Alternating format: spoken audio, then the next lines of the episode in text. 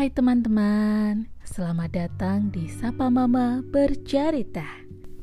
Hari ini saya akan kembali membacakan salah satu cerpen yang ada di dalam buku antologi Aku, Lagu, dan Nostalgia. Cerpen kali ini berjudul Tersirat di Matamu, karya Irma Yuli.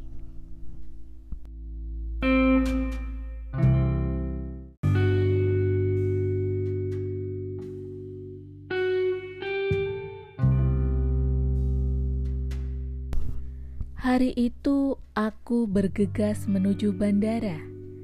Sengaja mengambil izin cuti demi menemui ibu yang kurang sehat. Namaku Lila. Aku genap 25 tahun dan sering dicap tomboy oleh teman-teman. Pasalnya, aku belum juga berani punya pasangan. Kupercepat langkah kakiku menuju terminal keberangkatan Sekitar 30 menit lagi pesawat take off. Tak lama pengumuman boarding terdengar. Lalu aku bergegas bangkit dari duduk dan berjalan menuju pesawat. Lega rasanya setelah menemukan kursiku, walau tak di dekat jendela. Hampir semua penumpang sudah menempati tempat duduk mereka ku keluarkan sebuah buku yang sengaja ku bawa untuk teman perjalanan. Baru saja membuka cover dan membalik halaman yang bertanda pembatas buku, seorang penumpang yang tergesa menyenggol keras tanganku yang tengah memegang buku dengan tas punggung yang hendak disimpannya di bagasi kabin. Mendadak buku itu jatuh dan satu bagian covernya sobek. Duh, mas, hati-hati dong. Gak bisa pelan apa? Sungutku kesal. Si mas yang merasa ditegur segera mengarahkan tubuhnya menoleh ke arahku. Beberapa pasang mata terarah pada kami. Maaf mbak, saya kurang hati-hati. Ucapnya sambil memungut buku di lantai pesawat. Duh, covernya robek nih mbak. Maafkan kecerobohan saya. Diserahkannya buku bacaan itu padaku. Kesal juga karena cover depan buku baruku robek. Pilot segera memberi pengumuman take off. Cabin crew segera meminta pemuda itu duduk serta mengenakan safety beltnya. Aku berdoa sampai pesawat lepas landas.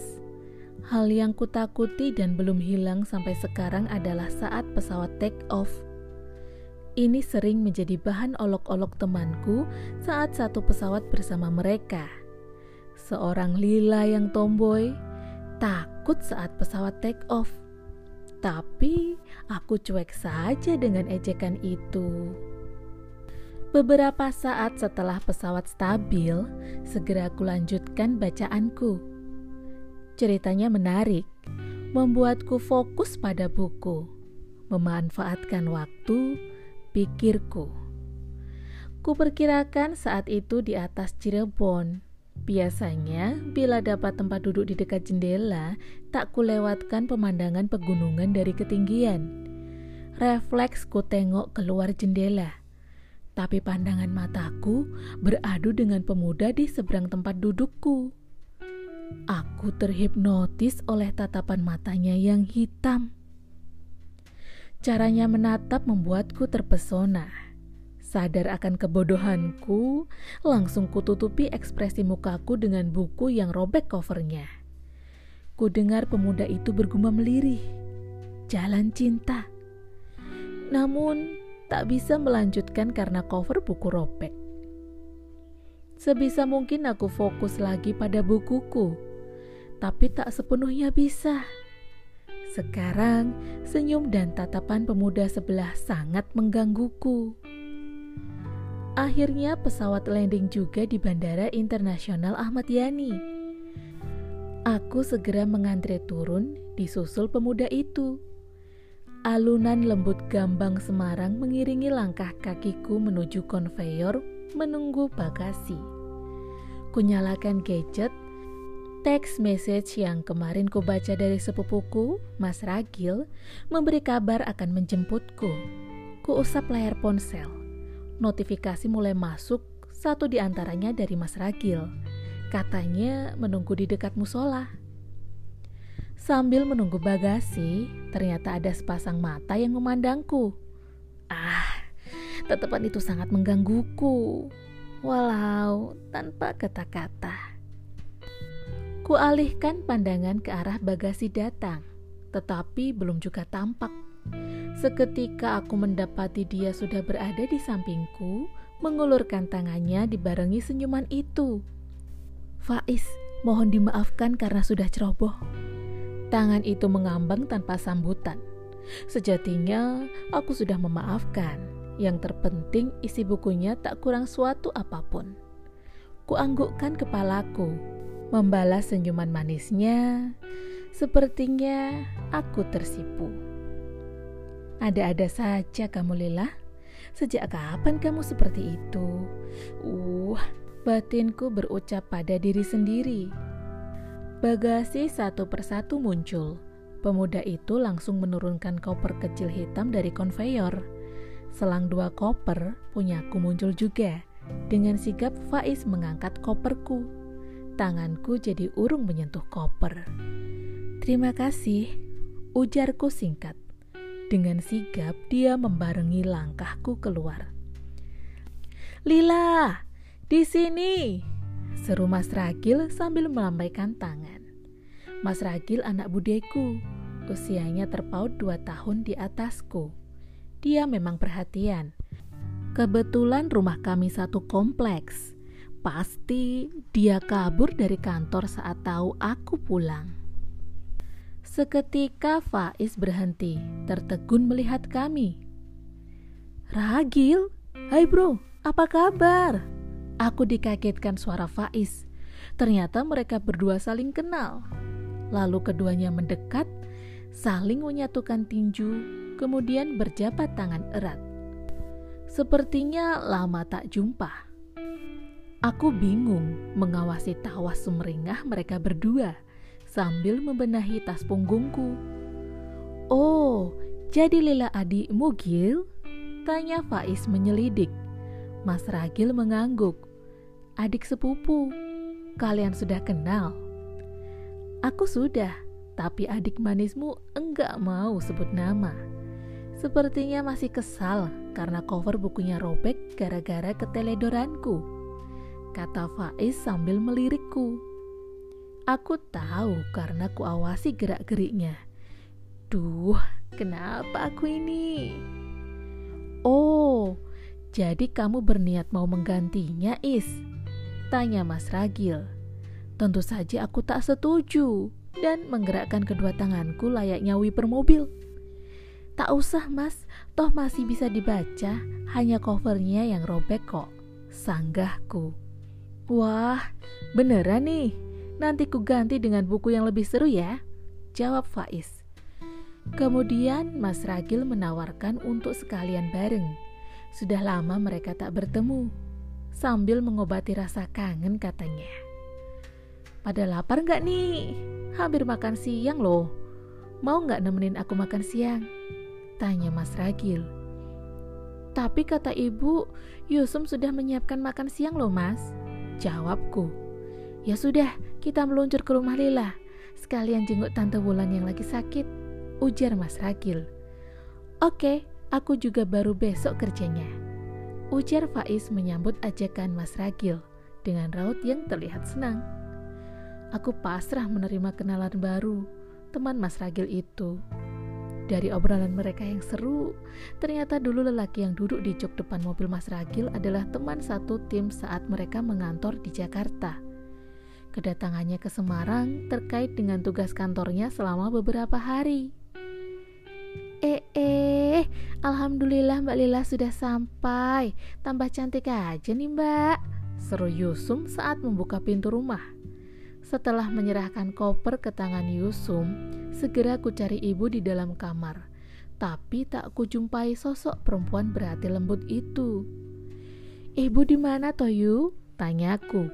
Yusum yang langsung sibuk menyiapkan makan siang menunjuk halaman belakang rumah. Ternyata ibu sedang duduk di kursi panjang sambil menyelonjorkan kakinya. Assalamualaikum ibuku sayang. Perempuan yang masih terlihat ayu itu menoleh ke arahku sambil tersenyum. Wajahnya masih agak pucat. Kucium tangan lalu memeluknya.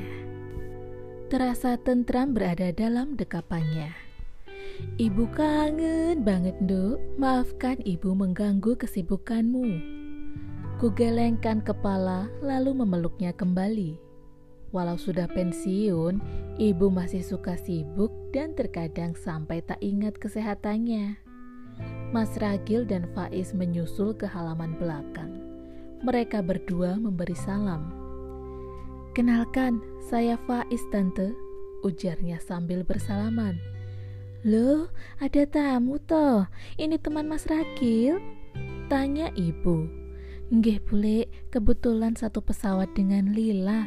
Lalu saya ajak kemari sekalian. Jelas Mas Rakil.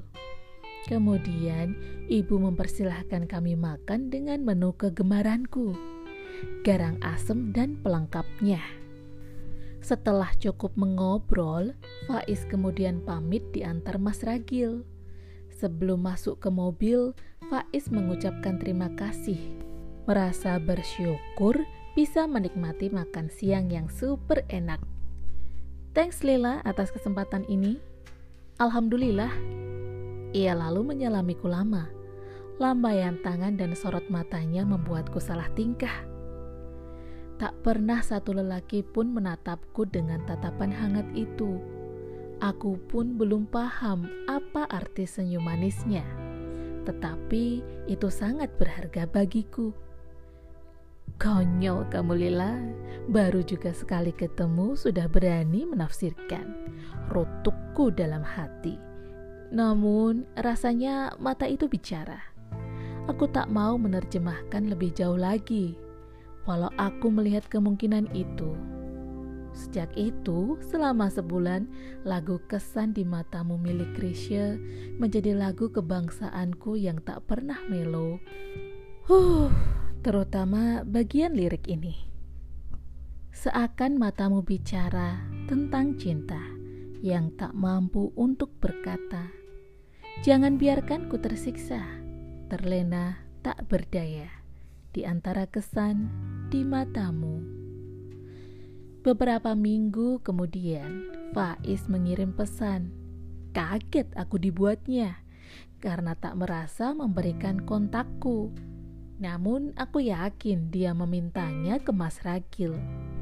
Beberapa kali ia selalu menanyakan kabarku, bahkan sesekali menghubungiku. Ada saja yang kami bicarakan. Pernah juga membuat janji temu, tapi urung karena ternyata kami tak bisa meninggalkan kesibukan kami masing-masing. Apa hanya aku yang mulai merindu? Masih ingat betul kesan pertama bertemu Faiz. Kini hampir tiga bulan telah berlalu. Entah kenapa saat tiba-tiba rindu, ingin rasanya memandang senyum dan mata teduhnya. Beruntung gambar di profilnya sedikit mengobati rasa kangenku. Pagi itu ada pesan masuk darinya. Aku sampai terlonjak kegirangan. Mbak Mai yang duduk tak jauh heran dengan tingkahku yang tak biasa. Sepertinya adik tomboyku sedang kasmaran. Ayo ngaku. Desaknya padaku. Aku hanya menggeleng menolak memberitahu. Ternyata dia ingin mengajakku makan malam usai bekerja sebagai pengganti janji temu yang urung kala itu. Faiz juga menegaskan, kali ini aku tak boleh menolak undangannya.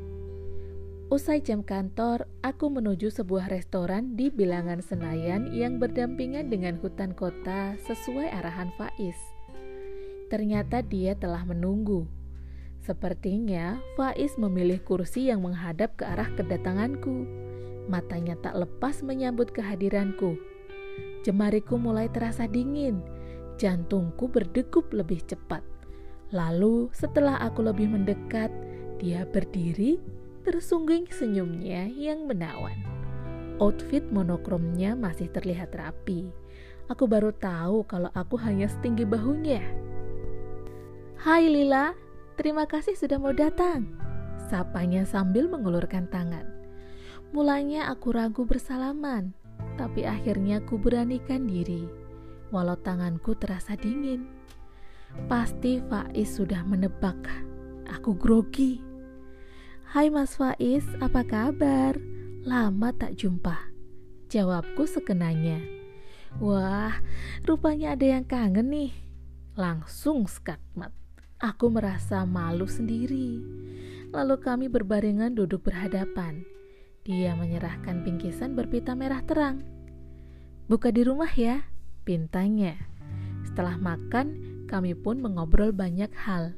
Dari masalah pekerjaan, teman, hobi, dan yang lainnya. Lalu dia mengutarakan maksudnya.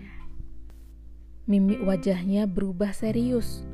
Aku yang tadinya sudah sedikit tenang sekarang rusuh hati. Lila, menikahlah denganku. Sontak aku tercekat, tak mampu berkata-kata. Tapi inginku bersamanya menuju nyata. Rupanya dia sudah mengorek semua informasi tentangku ke Mas Ragil. Dia sangat tenang dan serius saat mengucapkannya. Kok tiba-tiba, Mas? Tanyaku polos. Saat itu aku tak berani menatap matanya. Yang paling mengejutkan, setelah kubuka bingkisannya, jadi buku yang ia janjikan adalah panduan menikah. Hah, cerita itu rasanya baru kemarin terjadi. Pertemuan dengannya membawa bahagia. Kini buku nikah telah di tangan kami. Tamat. Terinspirasi dari lagu Kesan di Matamu, Krisye.